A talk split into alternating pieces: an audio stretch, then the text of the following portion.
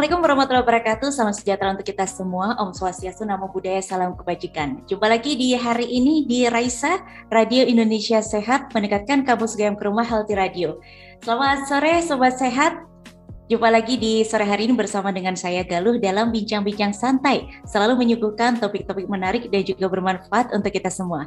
Dan di hari ini Sobat Sehat dan kebetulan kita telah memasuki musim penghujan, semoga kita selalu sehat dan bisa terus menjaga kesehatan kita.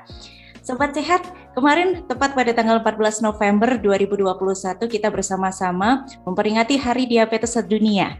Dan hari ini Sobat Sehat kita maknai bersama Hari uh, Hari Diabetes Sedunia melalui topik bincang-bincang santai di sore hari ini adalah mengenal diabetes mellitus pada anak. Kita akan bincang-bincang santai bersama dengan narasumber kami, Profesor Dr. Madarina Julia, Master of Public Health, PhD, spesialis anak konsultan, Beliau merupakan Kepala Departemen Ilmu Kesehatan Anak FKKMK UGM dan akan ditemani oleh Dr. Surya Wijaya dari PPDS Ilmu Kesehatan Anak FKKMK UGM. Silakan menyimak Sobat Sehat dan kami juga mengundang Anda untuk nanti ada pertanyaan. Silakan raise hand saja atau bisa dituliskan di kolom chat. Baik, kepada Dr. Surya kami persilahkan. Monggo dok. Ya, terima kasih Mbak Galuh atas introduksinya. Uh, senang sekali ya kita bisa berjumpa kembali dalam acara bincang santai hari ini. Nah, sore hari ini saya Dr. Surya Wijaya yang akan menjadi moderator dalam acara uh, ini satu jam ke depannya. Nah, seperti yang dikatakan oleh Mbak Galuh tadi, berkenaan dengan Hari Diabetes Sedunia yang jatuh kemarin pada tanggal 14 November, topik yang akan kita bahas kali ini adalah mengenal diabetes mellitus pada anak. Nah, tentunya sobat sudah pernah dengar ya tentang diabetes yang atau yang populernya dikenal sebagai kencing manis. Namun, apakah sobat sehat sudah tahu bahwa anak pun tak luput dari resiko diabetes mellitus? Mungkin ada yang tahu ya, namun banyak pula mungkin yang belum tahu.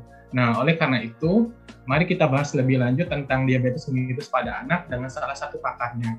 Beliau adalah Profesor Dr. Madalina Julia, Master of Public Health, PhD, spesialis anak konsultan. Nah, saat ini beliau merupakan salah satu guru besar di FKKMK UGM.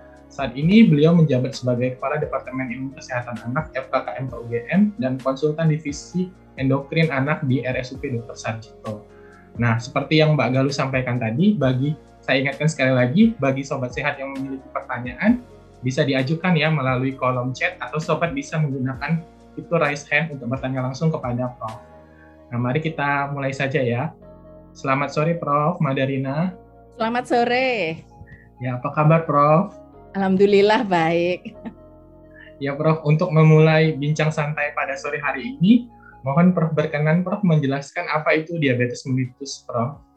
Uh, diabetes mellitus itu ya suatu penyakit yang terjadi akibat uh, ketidaggagalan tubuh untuk mengatur gula di dalam darah ya. Gula di dalam darah itu diatur oleh salah satunya hormon insulin dan pada diabetes mellitus ada masalah di kerja hormon insulin. Kira-kira begitu. Iya, Prof. Lalu uh, apakah anak memang bisa kena diabetes, Prof? Oh, bisa. Uh, sejak dulu ya kalau diabetes mellitus tipe 1 ya yang ada banyak tipe diabetes mellitus tapi yang pada umumnya yang mengenai anak ada dua macam ya.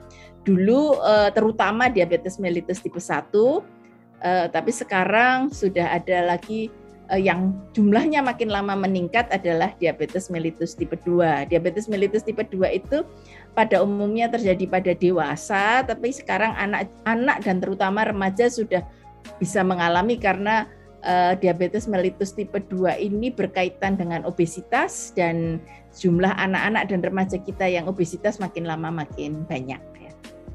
Oh ya, Prof. Jadi ada dua ya, Prof. Tipe diabetes mellitus pada anak. Yang yang sering terjadi pada anak ada dua itu saja. Hmm, tipe 1 dan tipe 2, Prof. Lalu, Prof, uh, apakah bisa mau berkenan dijelaskan apa perbedaan tipe diabetes mellitus itu, Prof? Ya, kalau tipe 1 itu terjadi kerusakan dari sel beta pankreas. Sel beta pankreas itu adalah sel yang bertugas berfungsi menghasilkan insulin. Jadi uh, kerusakannya terutama terjadi karena proses penyakit yang namanya autoimun. Jadi tubuh itu merusak sendiri sel beta pankreasnya ya. Tapi juga bisa terjadi karena hal-hal lain. Tapi pada umumnya karena proses autoimun. Nah, karena terjadi kerusakan pada sel yang bertugas memproduksi insulin, maka pada diabetes mellitus tipe 1 itu anak itu akan kekurangan insulin. Dan karena kekurangan insulin, beda utama dari pengobatan diabetes mellitus tipe 1 adalah uh, dia harus diberi insulin. Jadi harus memakai insulin. Kalau uh, jadi karena tidak punya atau kekurangan insulin maka harus ditambahkan insulin pada diabetes mellitus tipe 1. Sedangkan pada diabetes mellitus tipe 2 itu sebetulnya sel beta pankreasnya eh, pada awalnya itu baik-baik saja dengan dan dapat memproduksi insulin dalam jumlah cukup. Namun karena biasanya karena eh, individu tersebut terlalu gemuk atau ada riwayat keluarga diabetes mellitus tipe 2, maka dia insulin yang sebetulnya cukup itu itu tidak berfungsi optimal. Jadi karena sel lemak yang terlalu tinggi. Jadi akibatnya eh, akhirnya akan seperti kekurangan insulin, tapi sebetulnya itu kekurangan yang sifatnya relatif. Jumlah aslinya cukup, tapi karena badannya terlalu gemuk jadi terasa kurang ya. Kira-kira begitu bedanya. Ya, terima kasih Prof atas penjelasannya. Nah, Prof, mungkin sobat sehat tuh jarang Prof ya mendengar kasus diabetes mellitus pada anak. Eh, kebanyakan itu pada dewasa ya, Prof. Nah, ya. lalu seberapa banyak sih Prof sebenarnya kasus diabetes mellitus ini dijumpai pada anak, Prof? Uh, kalau diabetes mellitus tipe 1 itu terus terang jumlahnya saya tidak tahu persis ya tapi eh, pengalaman saya ini jumlahnya terus meningkat ya. Selama 20-30 tahun terakhir itu jumlahnya makin lama makin banyak. Eh, bisa saja memang betul-betul meningkat untuk DM tipe 1 ya. Tapi bisa saja mungkin karena eh, awareness. Jadi kesadaran masyarakat untuk memeriksakan dan juga pengetahuan dokter tentang diabetes mellitus ini makin lama makin banyak sehingga pasien itu terdeteksi sebelum uh, dia menjadi buruk atau meninggal dunia. Jadi mungkin 30 tahun yang lalu ada juga pasien diabetes mellitus tipe 1 tetapi sebelum ketahuan diabetes dia mungkin meninggal dunia. Jadi kita tidak pernah tahu kalau dia diabetes. Diabetes tapi mungkin sekarang sudah kondisinya lebih baik. Itu untuk diabetes mellitus tipe 1. Tapi kalau untuk diabetes mellitus tipe 2, saya yakin memang jumlahnya meningkat. Karena anak-anak kita sekarang ini makin lama makin gemuk-gemuk, makin tidak banyak bergerak, makin tidak beraktivitas sehingga eh, lemaknya makin banyak, ototnya makin sedikit sehingga makin berisiko mengalami diabetes mellitus tipe 2. Jadi diabetes mellitus tipe 2 itu banyak terjadi pada dewasa ya orang tua terutama sebetulnya, tetapi ketika anak itu gemuk, maka yang biasanya terjadi pada orang dewasa atau orang tua itu tertarik maju. Jadi terjadi lebih awal, bisa terjadi pada usia anak atau remaja. Terus terang kalau remaja kami punya banyak pasien ya umur-umur 12, 14, 16 itu yang menderita diabetes mellitus tipe 2. Tetapi anak-anak ada juga untuk diabetes mellitus tipe 2 itu eh, pasien saya yang paling muda 6 tahun. Eh, kemudian kalau diabetes mellitus tipe 1 itu sejak bayi bisa terjadi. Jadi pasien saya yang paling muda menderita diabetes mellitus tipe 1 itu sejak umur 10 bulan, seingat saya. Terima kasih Prof atas penjelasannya. Sungguh menarik ya Prof penjelasan tentang diabetes mellitus pada anak. Ternyata mungkin hanya kita saja yang mungkin masyarakat awam banyak saja yang belum sadar ya Prof bahwa diabetes mellitus itu bisa terjadi pada anak. Yeah. Dan angka kasusnya seperti yang Prof katakan tadi, angka kasusnya semakin tinggi Prof. Nah, yeah. untuk untuk penyebab diabetes mellitus pada anak itu sendiri apa ya Prof selain misalnya yang kayak Prof uh, bilang tadi tentang kegemukan atau obesitas pada anak, bro. Mungkin ada faktor-faktor atau penyebab lainnya, bro? Um, yang mudah ya kalau diabetes mellitus tipe 2 itu jelas uh, penyebabnya uh, keturunan. Jadi biasanya anak-anak yang menderita diabetes mellitus tipe 2 itu mempunyai orang tua atau kakek, nenek atau paman atau yang juga menderita diabetes mellitus tipe 2. Jadi kelihatan biasanya uh, dari mana datangnya diabetes mellitus tipe 2 dan kemudian anak itu juga gemuk. Jadi gemuk merupakan faktor risiko yang sangat jelas berkaitan dengan diabetes mellitus tipe 2. Sedangkan diabetes mellitus tipe 1 sampai sekarang kita belum uh, tahu persis apa penyebabnya. Ada penelitian yang mengatakan berkaitan dengan kerentanan genetik tertentu, tapi juga tidak terlalu pasti ya. Tapi yang terang begini, uh, jumlah penderita diabetes mellitus tipe 1 itu terutama banyak pada ras Kaukasia dan ras Afrika dan tidak terlalu banyak pada ras Asia. Jadi meskipun negara maju seperti Jepang atau Korea yang mungkin deteksi diabetes mellitusnya jauh lebih baik dari kita, itu diabetes mellitus tipe satunya itu juga tidak terlalu banyak. Jadi diabetes mellitus tipe 1 itu jumlahnya relatif tidak terlalu tinggi di ras Asia Timur ya, uh, tetap dan termasuk kita. Sedangkan diabetes kebalikannya, ras-ras yang tidak berisiko diabetes mellitus tipe 1 lebih berisiko untuk diabetes mellitus tipe 2. Jadi risiko kita untuk diabetes mellitus tipe 2 itu secara umum lebih tinggi daripada uh, ras Kaukasia dan ras Afrika. Jadi itu Nah, tadi saya sudah cerita tentang diabetes mellitus tipe 2, faktor risikonya, sedangkan diabetes mellitus tipe 1 tidak terlalu jelas. Ada banyak penelitian berkaitan dengan kerentanan genetik tertentu, tapi juga ada beberapa penelitian yang menarik yang mungkin pada bisa dilakukan tidak terlalu sulit dilakukan oleh banyak orang tua, yaitu ASI eksklusif dan memberikan ASI selama mungkin itu banyak penelitian yang menunjukkan mengurangi risiko terjadinya penyakit autoimun dan di antaranya diabetes mellitus tipe 1. Ya, jadi mungkin kepada orang tua atau, atau calon orang tua, bila kita masih memungkinkan untuk mendap memberikan ASI kepada putra putri, usahakan sekuat tenaga untuk memberikan ASI dan mengurangi penggunaan uh, susu formula dan sebagainya ya karena ASI jelas melindungi kita terhadap banyak hal kira-kira begitu.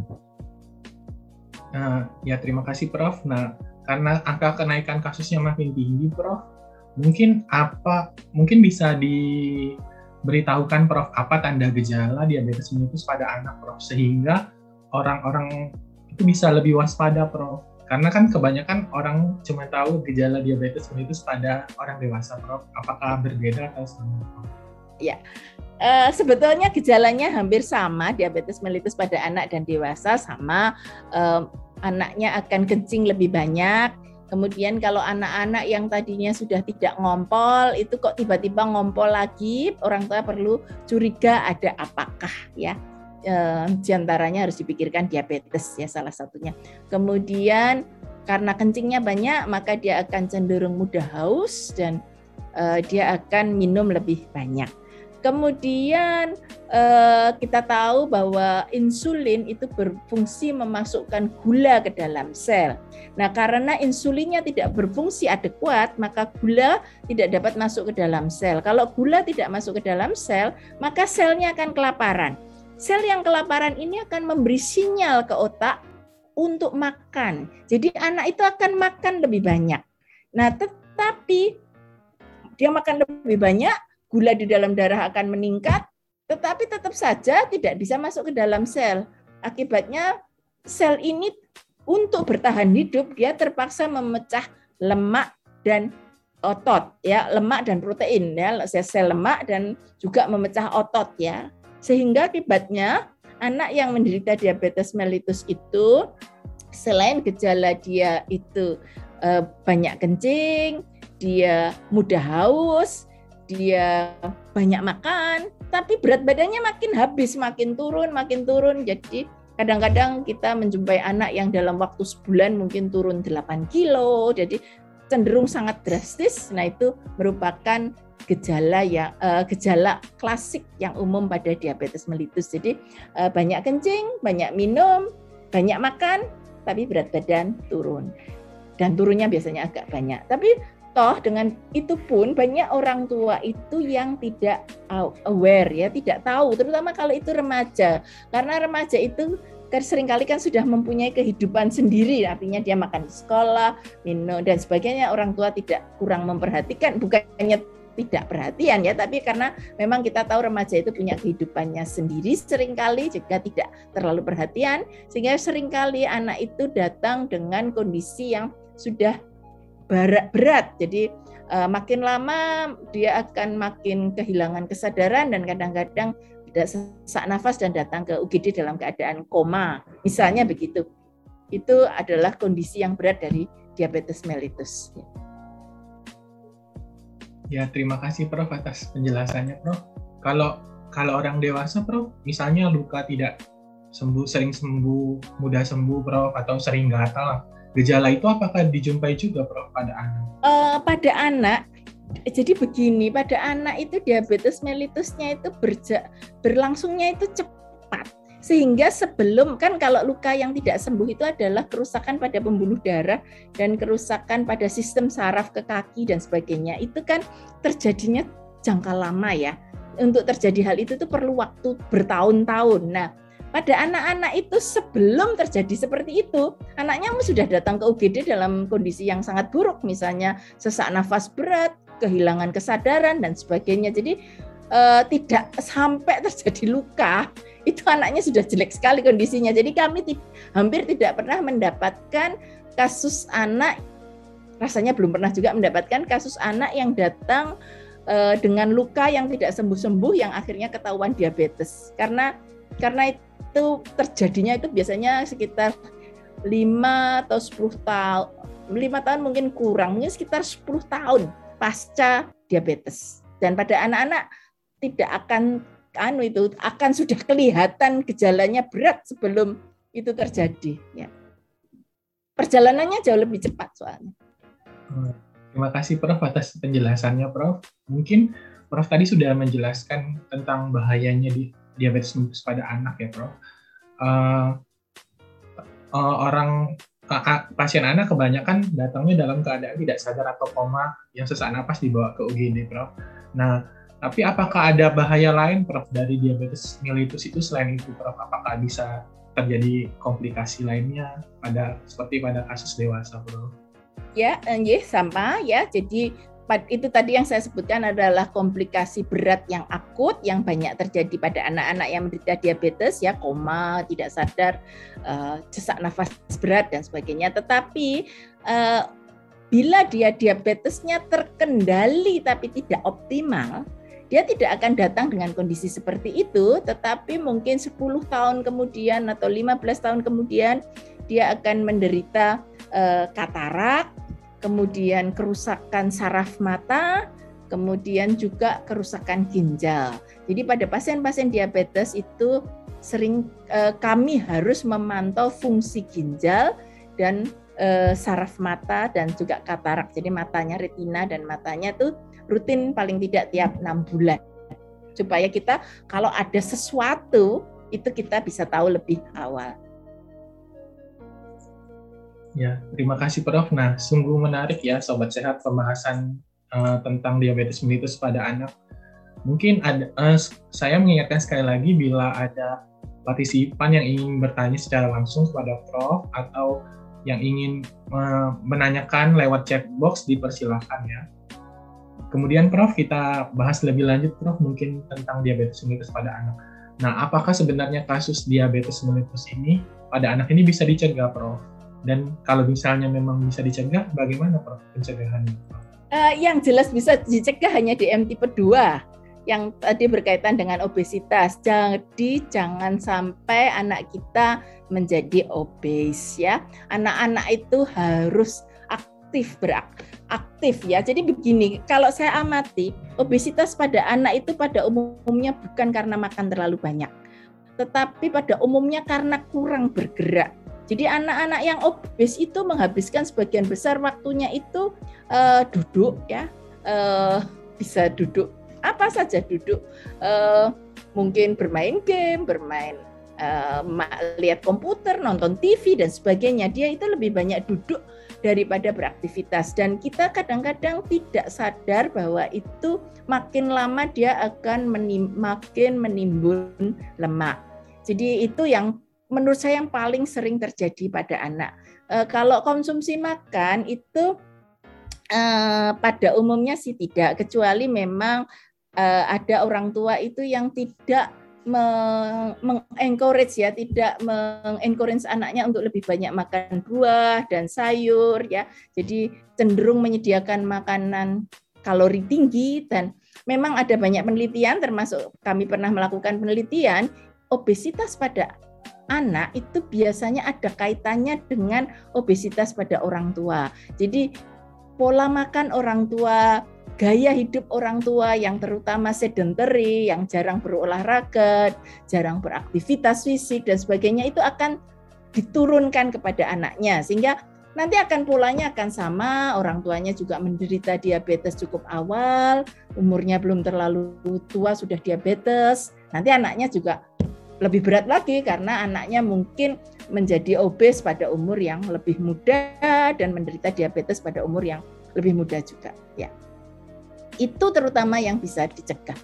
Jangan menjadi obes, jangan menjadi gemuk. Gemuk itu tidak menguntungkan.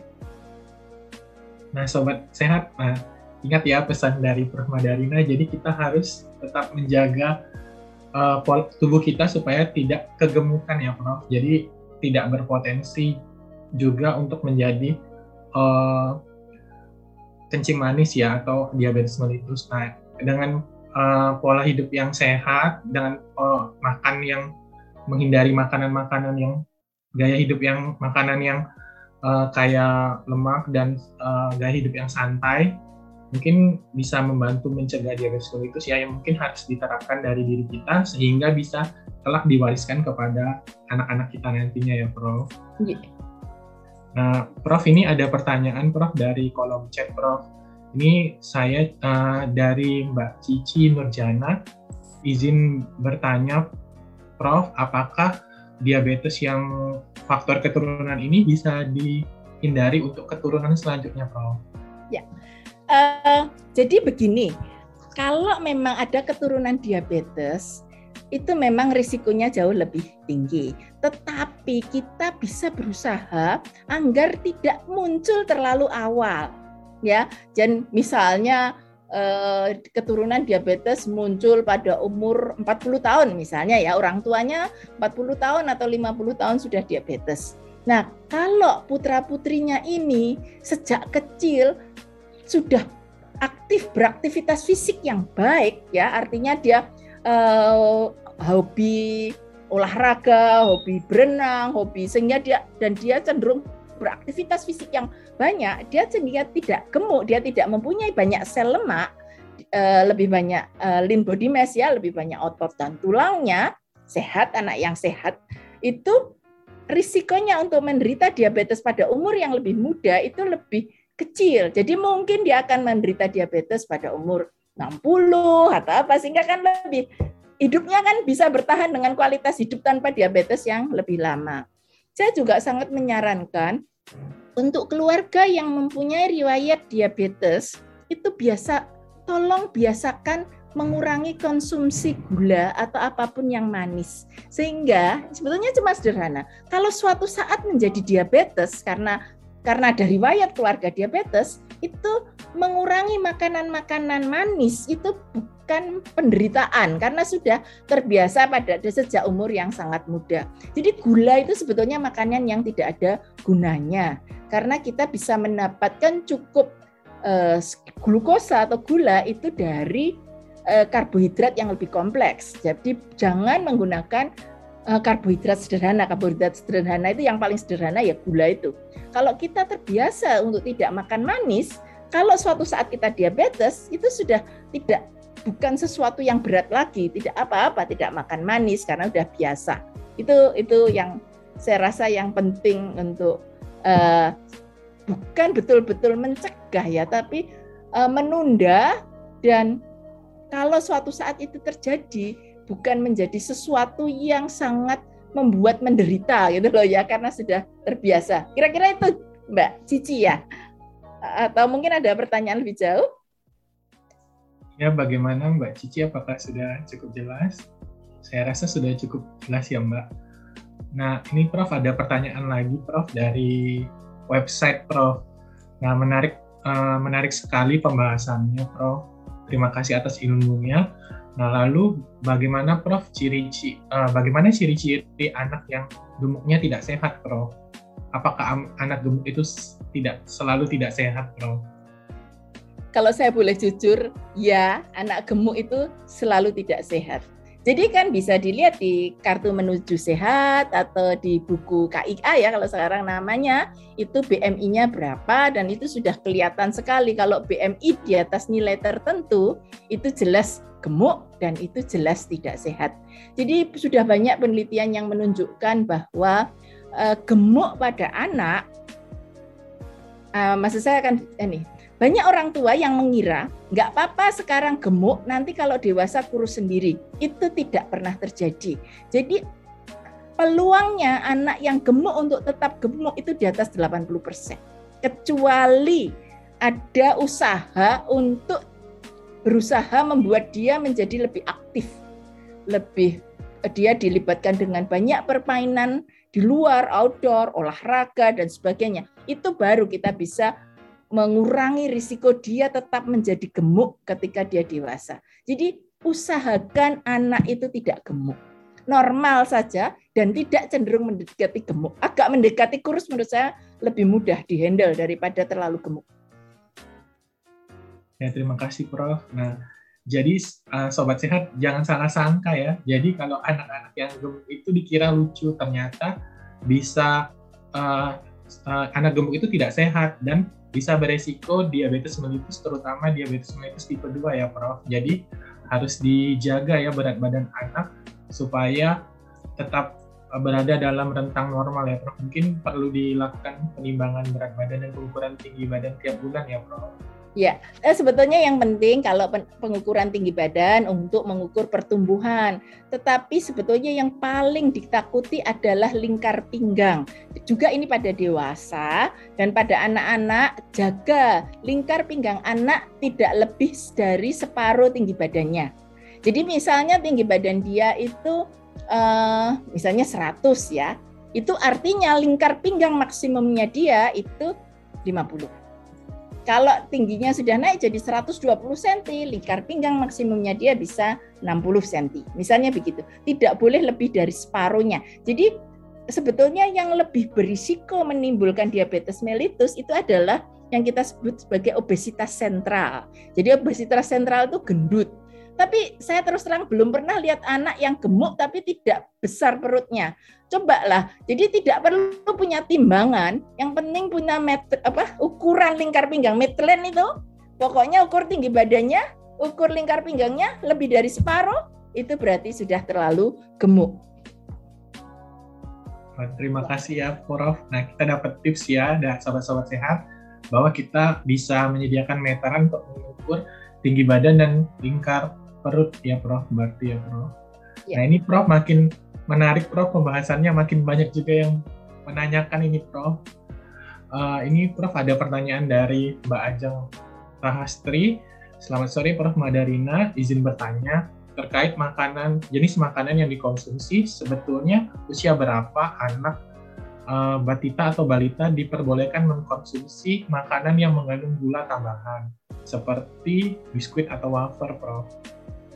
Uh, begini, sebetulnya uh, tidak uh, begini.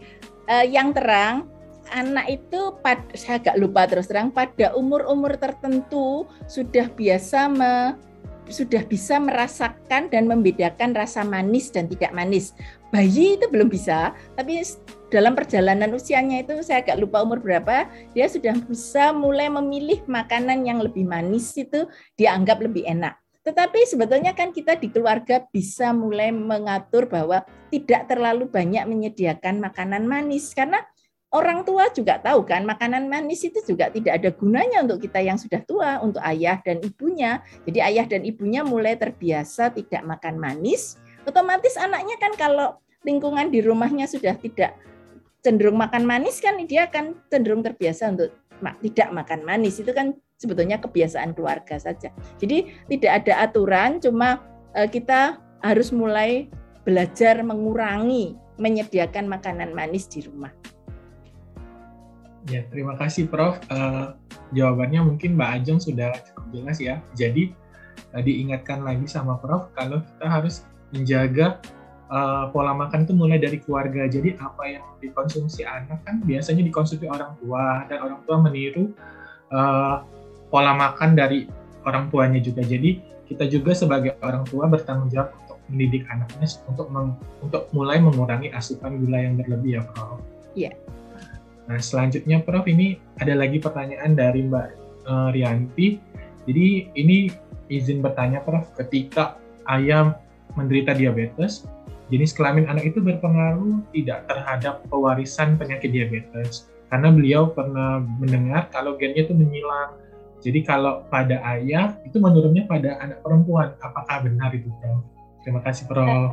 Uh, tidak, ya. Uh, jadi gen untuk diabetes itu di istilahnya di gen somatik, jadi tidak ada hubungannya dengan jenis kelamin tidak terikat dengan jenis kelamin. Jadi cuma memang kalau dari dua arah penurunannya, misalnya ayah diabetes, ibu tidak diabetes, tapi orang tuanya ibu diabetes, itu risikonya anak tinggi sekali. Jadi kalau dia mendapatkan dari dua dua arah itu risikonya sangat tinggi sekali, hampir pasti terus terang kalau kalau dia mendapatkan dari jalur ayah dan jalur ibu. Dan kadang-kadang ayah dan ibu tidak diabetes, tapi kakek dan neneknya diabetes, apalagi dari dua arah, kakek dari ayah ya diabetes, kakek dari ibu atau nenek dari ayah dari ibu diabetes itu anaknya juga berisiko. Jadi mungkin ayah dan ibunya itu belum diabetes, eh, tidak diabetes, bukan karena dia tidak akan diabetes, dia hanya belum. Mungkin ayah dan ibunya itu tidak diabetes karena eh, sekarang ini belum diabetes karena ayah dan ibunya itu tidak gemuk. Jadi kalau kita itu tidak gemuk, kita bisa menunda munculnya pertama kali diabetes itu. Jadi eh, makin gemuk itu munculnya makin mudah. Usianya makin muda ya. Untuk diabetes mellitus tipe 2. Jadi tidak ada hubungannya dengan jenis kelamin. Ya, terima kasih Prof. Penjelasannya Prof. Mungkin sudah cukup jelas ya Mbak Rianti. Mungkin saya ingatkan sekali lagi untuk sobat sehat yang ingin bertanya melalui kolom chat atau berminat nih men bertanya langsung kepada Prof. Madarina yang merupakan ahli dari uh, diabetes mellitus pada anak, mungkin bisa gunakan fitur raise hand ya. Nah, Prof sambil menunggu uh, pertanyaan lainnya, Prof, kalau misalnya Prof anak itu terkena diabetes Prof, nah itu apa yang harus kita lakukan ya Prof? Kalau misalnya ada gejala atau tanda seperti Prof yang Prof jelaskan tadi uh, kalau jelas diabetes itu uh, kalau kira-kira diabetes kan harus kita periksa betulkah dia diabetes ya kita periksa uh, kadar gula darah, kadar HbA1c dan uh, yang penting kita menentukan apakah dia diabetes mellitus tipe 1 atau diabetes mellitus tipe 2. Untuk tipe 1 seperti yang saya katakan tadi karena produksi insulin sel-sel yang memproduksi insulin itu rusak, tidak ada pilihan lain dia harus diganti insulinnya. Sehingga pengobatannya untuk diabetes mellitus tipe 1 itu hanya disuntik ya. Diinjeksi dengan insulin. Kadang-kadang ada yang mendapatkan regimen insulin dua kali ada yang tiga kali ada yang empat kali ada yang lima kali. Suntik sehari. Jadi agak berat memang untuk DM diabetes mellitus tipe 1 nah ini memang perlu anu ya perlu komitmen dari keluarga dan juga dari anak. Kadang-kadang kita perlu konsultasi psikologi juga. Kalau anak sudah mulai mogok nggak mau suntik nah itu itu sangat sangat berbahaya. Ya itu DM tipe 1 kalau DM tipe 2 karena intinya itu adalah akibat obesitas itu sebetulnya manajemen terpenting DM tipe 2 itu adalah aktivitas fisik. Itu yang pertama itu yang paling penting. Jangan sampai anak bertambah gemuk atau tetap gemuk ya kalau bisa itu tidak menjadi lebih gemuk atau tetap gemuk. Kalau bisa lebih kurus sehingga aktivitas fisiknya harus rutin. Kita tahu bahwa anak eh, remaja atau bahkan orang dewasa sangat dianjurkan untuk beraktivitas fisik sedang dan berat minimum satu jam sehari. Lebih banyak, lebih baik. Apa aktivitas fisik sedang dan berat? Aktivitas fisik sedang itu kalau kita melakukan aktivitas fisik, kita sudah tidak bisa menyanyi karena nafasnya pendek, tapi bisa masih bisa bicara. Tapi kalau aktivitas berat itu kita bahkan bicara saja tidak bisa karena nafas kita lebih pendek lagi. Jadi apa yang bisa dilakukan? Bisa aerobik misalnya, lari, berenang, naik sepeda dan sebagainya. Dan harus cukup waktunya dan intensitasnya harus cukup kuat. Tapi pada anak-anak saya sangat menyarankan melibatkan anak-anak pada aktivitas fisik yang terstruktur dan uh, punya aspek permainan karena supaya mereka itu tidak bosan. Jadi mungkin ikut klub basket, klub renang, belajar berenang yang betul-betul belajar bukan hanya bermain-main ya.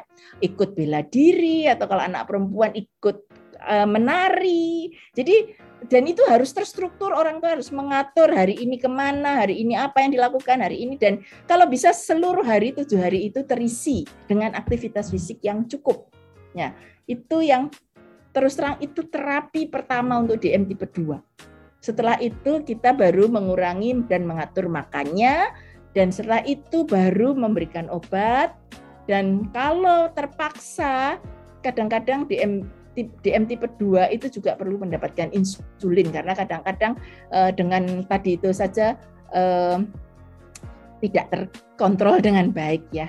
Kadang ya kita kadang-kadang sudah memberikan obat di awal karena kita tahu bahwa untuk menurunkan berat badan, untuk membuat anak lebih aktif itu perlu waktu. Karena ya ya kadang-kadang kan itu harus dukungan dari keluarga itu harus sangat kuat ya. Ya Prof, terima kasih sekali Prof. Penjelasannya apalagi di kala Covid ini ya Prof. Mungkin aktivitas fisik juga kurang. Jadi aktivitas kita dan anak-anak mungkin juga kurang ya Prof. Jadi perlu ditingkatkan lagi ya Prof untuk ya. menjaga uh, agar resiko diabetes itu makin menurun ya Prof terutama yang berkaitan DM tipe 2 yang berkaitan dengan obesitas atau kegemukan ya Prof. Ya. Nah ini Prof ada yang bertanya lagi Prof ini dari Mbak Ida izin bertanya Prof Madarina seperti yang dijelaskan sebelumnya, sering kali anak menyukai makanan yang manis atau enak. Kira-kira dari Prof. Madarina sendiri, apakah ada tips untuk mengatur makanan atau snack yang sehat bagi anak yang memiliki uh, risiko tinggi de risiko tinggi diabetes mellitus misalnya ada riwayat keluarga uh, eh, DM tipe 2 pada orang tuanya. Iya, jadi snack paling sehat adalah buah dan sayur. Terus terang seperti WHO menyarankan eh, kita harus mengkonsumsi buah itu lima porsi sehari. Jadi kalau dalam bentuk buah apel ya lima buah apel atau lebih banyak lebih baik. Jadi snack paling baik adalah buah. Jadi kadang-kadang saya menyarankan kalau anaknya mau snacking ya dipotongkan pepaya atau dipotongkan mangga atau semangka atau apa itu jelas lebih baik. Kemudian snack yang juga boleh adalah kacang-kacangan. Kacang-kacangan itu terus terang dia memang mengandung minyak ya, tapi kalau lebih sehat lagi misalnya direbus atau dipanggang atau disangrai ya daripada digoreng. Tapi masih tidak mengandung gula kan kacang-kacangan itu bisa kacang ke, apa? kacang rebus, kacang mete atau kacang itu masih bisa. Tapi jangan Nah, jangan membiasakan snacking yang karbohidrat atau mengandung gula gitu saja. Sehingga nanti suatu saat dia sudah terbiasa dengan cara makan yang lebih sehat.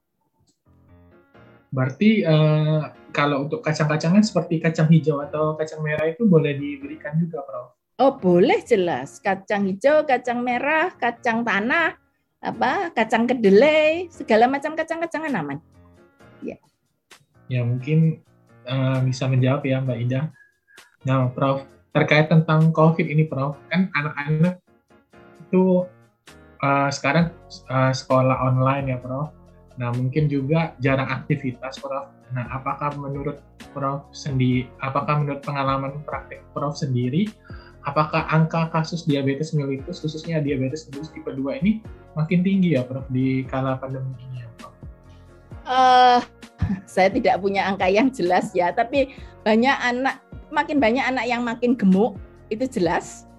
Terus yang kemudian pasien-pasien kami yang diabetes baik tipe 1 dan tipe 2 itu berat badannya naik sehingga kontrol gula darahnya jelek. Jadi uh, tadi saya mengatakan untuk tipe 1 itu kan insulin ya, obatnya hanya insulin ya. Tetapi sebetulnya kami juga mengedukasi supaya dia tidak terlalu gemuk, supaya dia tidak bertambah gemuk karena kalau dia terlalu gemuk kontrol gula darahnya juga lebih sulit. Jadi lebih sulit mengendalikan gula darah anak yang terlalu gemuk, ini yang DM tipe 1, atau anak yang jarang bergerak. Jadi meskipun diabetes mellitus tipe 1, saya sangat menyarankan dia tetap beraktivitas fisik, berolahraga cukup supaya dia tidak terlalu gemuk.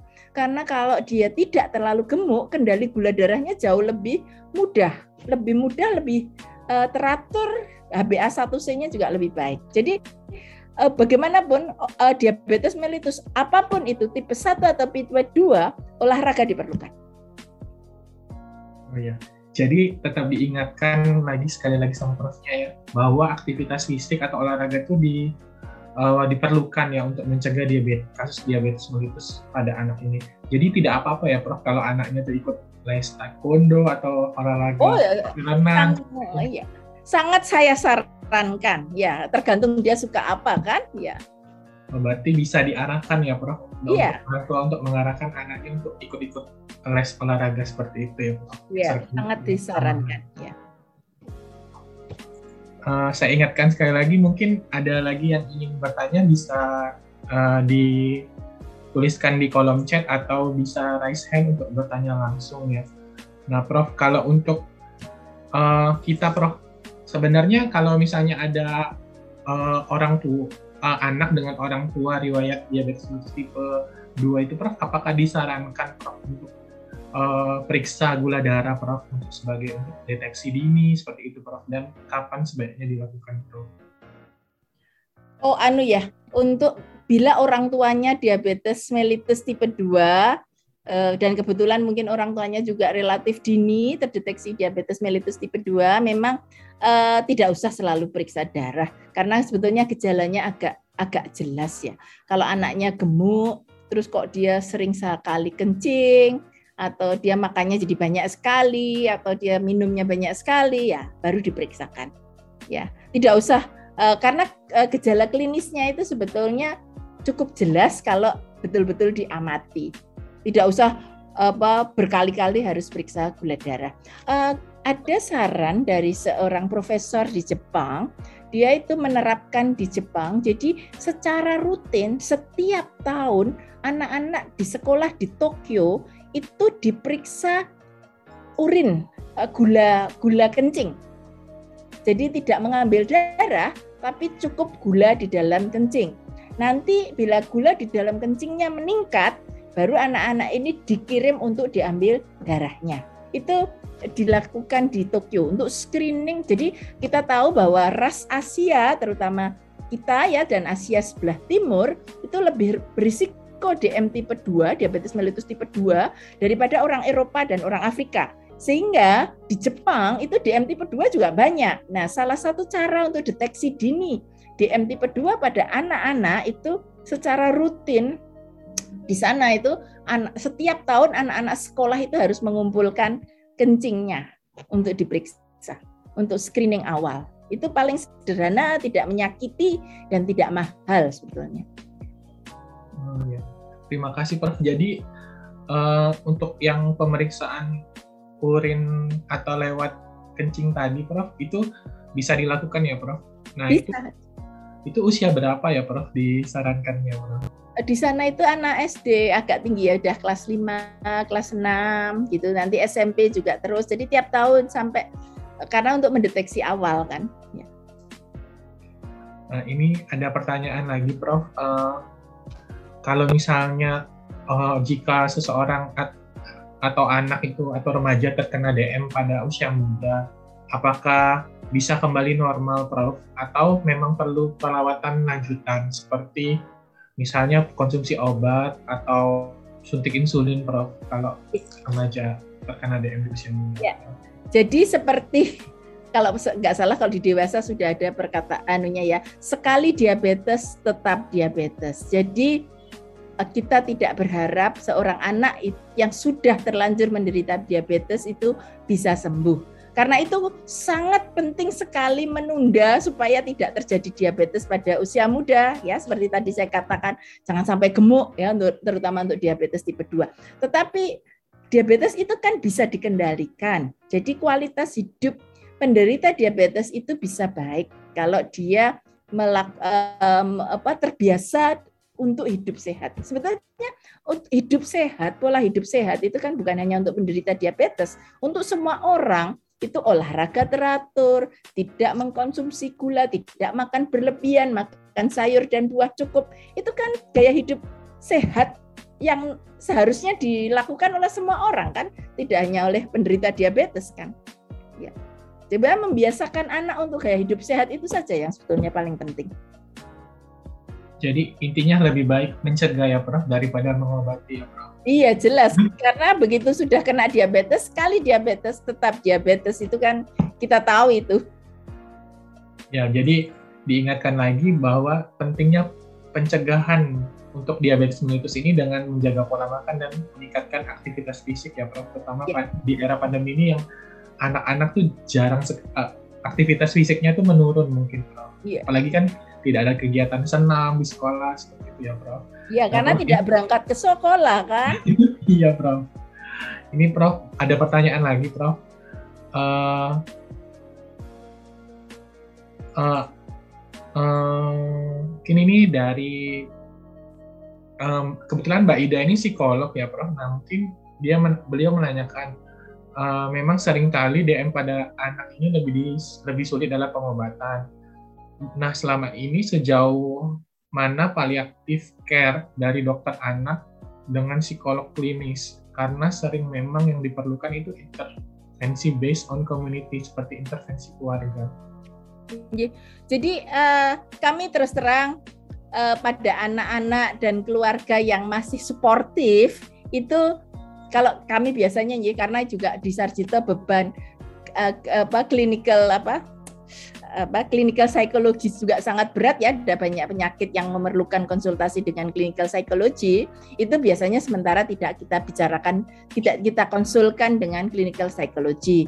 Tetapi kalau anak sudah mulai memberontak mulai menolak suntik mulai merewel mulai makan semaunya sendiri mulai. Jadi ada biasanya pada usia remaja ini sering sekali terjadi. Saya pernah mengkonsulkan karena dia attempted suicide.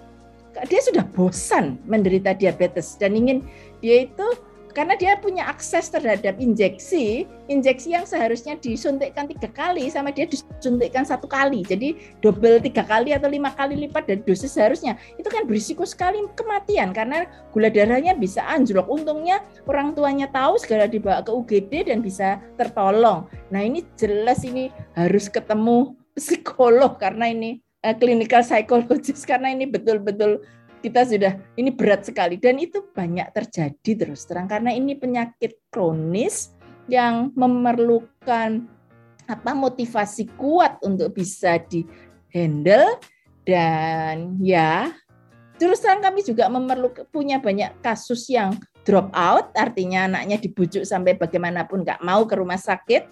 Nah ini kami kadang-kadang juga merasa itu berat sekali. Ya. ini ada juga yang terakhir uh, ini harus kami konsulkan ke psikiatri karena dia bilang saya mau obat penenang itu. Saya juga aduh. Kebetulan dia untuk konsultasi sudah konsultasi psikolog tapi dia sudah mulai ya ah, kita punya banyak masalah seperti itu Mbak Ida. ya Prof, ini ada pertanyaan lagi Prof. Makin banyak Prof pertanyaannya berkenan ya Prof. Monggo, monggo mungkin tadi sudah sempat dibahas ya Prof bahwa komplikasi yang kayak luka uh, jarak uh, sulit sembuh itu jarang pada anak. Tapi apakah DM pada anak itu juga masih bisa Prof terkena gangren atau yang luka sulit sembuh seperti DM pada dewasa Prof. Nah itu tuh apa saja faktor yang menyebabkannya? Uh, terus terang secara teoritis bisa, Tapi selama ini saya belum pernah mengalami. Saya belum pernah ketemu anak DM yang menderita gangren. Jadi saya sudah menemui beberapa yang mengalami gagal ginjal ya atau mengalami masalah mata, katarak atau retinopati ya. Tetapi terus terang yang gangren saya belum pernah ketemu. Kelihatannya risikonya relatif rendah dibanding dewasa. Oh ya, terima kasih Prof penjelasannya Prof. Nah ini Prof ada lagi pertanyaan dari Mbak Ami ya, Prof. Nah, apakah uh, per, permisi Prof, apakah uh, pengobatan DM pada anak itu berdampak pada buku suami beliau ini uh, diabetes pada waktu usianya masih anak-anak. Setelah pengobatan, pertumbuhan kukunya itu menjadi berbeda, warnanya kusam dan tidak menghilang. Apakah mungkin ada hubungannya, Prof, dengan pengobatan DM dengan kukunya atau justru mungkin penyakit DM-nya ya Prof yang Iya, saya malah juga oh. itu iya. Uh, terus terang kuku itu kalau kusam, saya terus terang perlu mungkin kita bisa tanya ke dokter kulit, kuku yang kusam itu sering kali ada jamurnya. Mungkin ya di dalam pertumbuhan kuku itu ada jamur yang tumbuh di sana dan uh, diabetes itu uh, salah satu dia itu agak kesulitan kesulitan mengusir jamur. Jadi jadi anak-anak diabetes terutama yang gemuk sering mengalami uh, kandidiasis ya anak-anak uh, perempuan itu uh, di ke, di kemaluan itu berjamur apabila lembab sangat mudah berjamur. Jadi dia itu lebih berisik lebih sulit untuk sistem kekebalan tubuhnya itu lebih sulit untuk mengusir kuku uh, jamur ya. Jadi jamur di mana saja Oh, ini Prof ada pertanyaan lagi Prof. Kalau misalnya untuk kulit sendiri, apakah diabetes itu berpengaruh juga? Itu Prof terhadap kulit? Pada kulit, anu kalau dia itu gula darahnya tinggi, itu kan otomatis dia akan uh, banyak kencing. Nah, kalau dia tidak minum cukup, maka dia akan dehidrasi. Dan eh, kalau seseorang itu dehidrasi, maka kekenyalan kulitnya akan berkurang. Jadi biasanya Eh, akan tampak lebih tua karena kulitnya lebih keriput karena kekenyalannya berkurang. Sebetulnya itu karena dehidrasi, karena eh, gula darahnya terlalu tinggi. Ya, terima kasih penjelasannya Prof. Mungkin uh, para penanya sudah cukup puas ya dengan pertanyaan jawaban dari Prof. Sangat sungguh menambah pengetahuan kita ya khususnya tentang diabetes mellitus pada anak atau kencing manis pada anak ini banyak Prof dari di kolom chat mungkin uh, yang mengucapkan terima kasih kepada Prof dan untuk penjelasan dan informasinya karena sangat menambah pengetahuan khususnya bagi masyarakat di luar sana ya Prof. Nah Prof ini sudah tak terasa sudah hampir satu jam ya Prof kita lalui iya, ini ya Prof. Uh, saya izin sudahi dulu ya Prof acara iya. bincang santai pada sore hari ini. Kami dari pihak Raisa mengucapkan terima kasih kepada Prof. Dr. Madarina Julia, Master of Public Health, PhD, spesialis anak konsultan yang telah berkenan membagikan ilmunya kepada kita semua pada sore hari ini. Semoga ilmu ini bisa bermanfaat bagi kita semua dan bisa menjadi amal untuk Profnya ya Prof. Terima nah, kasih. Ya, berkenan juga Prof nanti ini disebarkan lewat bentuk audio di Spotify ya Prof. Jadi bisa ya. diakses lebih banyak orang lagi Prof yang ya. mungkin belum sempat hadir dalam acara ini ya Prof. Iya, boleh. Ya, demikianlah sobat sehat uh, tentang diabetes mellitus pada anak ini mungkin Prof saya izin Prof apakah Prof berkenan untuk menyampaikan closing statement Prof tentang diabetes mellitus pada anak. Oh iya, jadi uh, saya hanya ingin mengingatkan, jadi diabetes mellitus pada anak ini jumlahnya makin meningkat dan kontribusi yang signifikan di meningkatkan risiko itu adalah obesitas. Jadi uh, terus terang kalau bisa jangan sampai anak-anak kita, generasi muda kita makin lama makin obes ya. Kira-kira itu dan saya rasa aktivitas fisik juga sangat penting untuk digalakkan pada generasi muda supaya mereka hidup lebih sehat. Saya rasa itu saja. Terima kasih sekali lagi Prof atas penjelasannya ya. Jadi saya simpulkan uh, untuk acara bincang santai pada sore hari ini, jadi diabetes mellitus itu pun uh, bisa menyerang anak-anak. Jadi anak-anak pun tak luput dari resiko diabetes mellitus. Nah, walaupun uh, saat ini banyak kebanyakan anak itu menderita diabetes tipe 1 di mana itu karena rusaknya sel beta pankreas yang memproduksi insulin sehingga in, uh, produksi insulinnya menurun sehingga gula darahnya tinggi. Namun angka kenaikan angka uh, angka kasus diabetes mellitus tipe 2 itu makin meningkat ya, Prof. Terutama dengan uh, makin kurangnya aktivitas fisik pada anak, kemudian pola makan yang kurang baik. Nah, jadi untuk untuk itu harus dicegah karena komplikasinya bisa jadi komplikasi akut yang tiba-tiba anak itu tidak sadar atau sesak datang ke UGD atau komplikasi jangka panjangnya seperti komplikasi pada mata maupun pada ginjal bisa menyebabkan gagal ginjal atau katarak atau kerusakan pada uh, saraf retina mata ya Prof. Jadi Prof mengingatkan sekali lagi untuk kita agar uh, menerapkan pola hidup sehat untuk uh, menjaga pola makan kita, membiasakan dari sekarang ya Prof, untuk mengurangi makanan yang manis-manis sehingga bisa diwariskan kepada anak kita nanti juga untuk aktivitas fisiknya juga dibiasakan dari sekarang supaya bisa diajarkan nantinya kepada anak. Demikian Prof, apa sudah ada sudah. tambahan lagi Prof? Tidak ada, terima kasih. Oh ya, terima kasih. Oh, Sobat Sehat, saya terima kasih telah meluangkan waktunya untuk menghadiri acara Bincang Santai pada siang hari ini. Sampai jumpa pada acara Bincang Santai selanjutnya dengan topik yang tak kalah menarik, menarik lainnya. Nah, saya ke, uh, saya izin undur diri sebagai moderator, saya kembalikan kepada Mbak Gini sebagai MC. Baik, terima kasih banyak Dokter Surya dan Matur Sunangat, uh, Prof. Madarina sudah memberikan banyak sekali ilmunya hari ini ya Sobat Sehat. Tentunya kita jadi semakin paham lagi bagaimana diabetes mellitus pada anak dan juga semakin aware lagi ya bahwa kesehatan yang kita dapatkan saat ini sebagai PR juga untuk kita tetap menjaga kesehatan kita. Dan yang paling penting adalah tadi tetap bergerak nggih Prof, tetap bergerak. sebagai anak muda nih teman-teman. Jadi ayo kita bergerak mungkin setelah uh, bincang-bincang santai setelah hari ini besok pagi sudah mau mengagendakan jogging boleh sekali. Baik, terima kasih banyak Prof Madarina sudah berkenan hadir berbagi. Terima kasih Dr. Surya sehat selalu Prof Madarina dan juga Mas Surya dan demikian bincang santai edisi sore hari ini, Sobat Sehat. Terima kasih banyak atas kebersamaan Anda. Topik tentang bincang-bincang santai bisa Anda dengarkan kembali melalui Spotify Raisa Radio di Raisa Radio Indonesia Sehat. Saya Galuh mohon pamit undur diri, mohon maaf apabila ada kesalahan pada saat acara berlangsung. Melalui uh, mewakili tim, kami mohon maaf apabila ada kesalahan. Kami undur diri. Wassalamualaikum warahmatullahi wabarakatuh.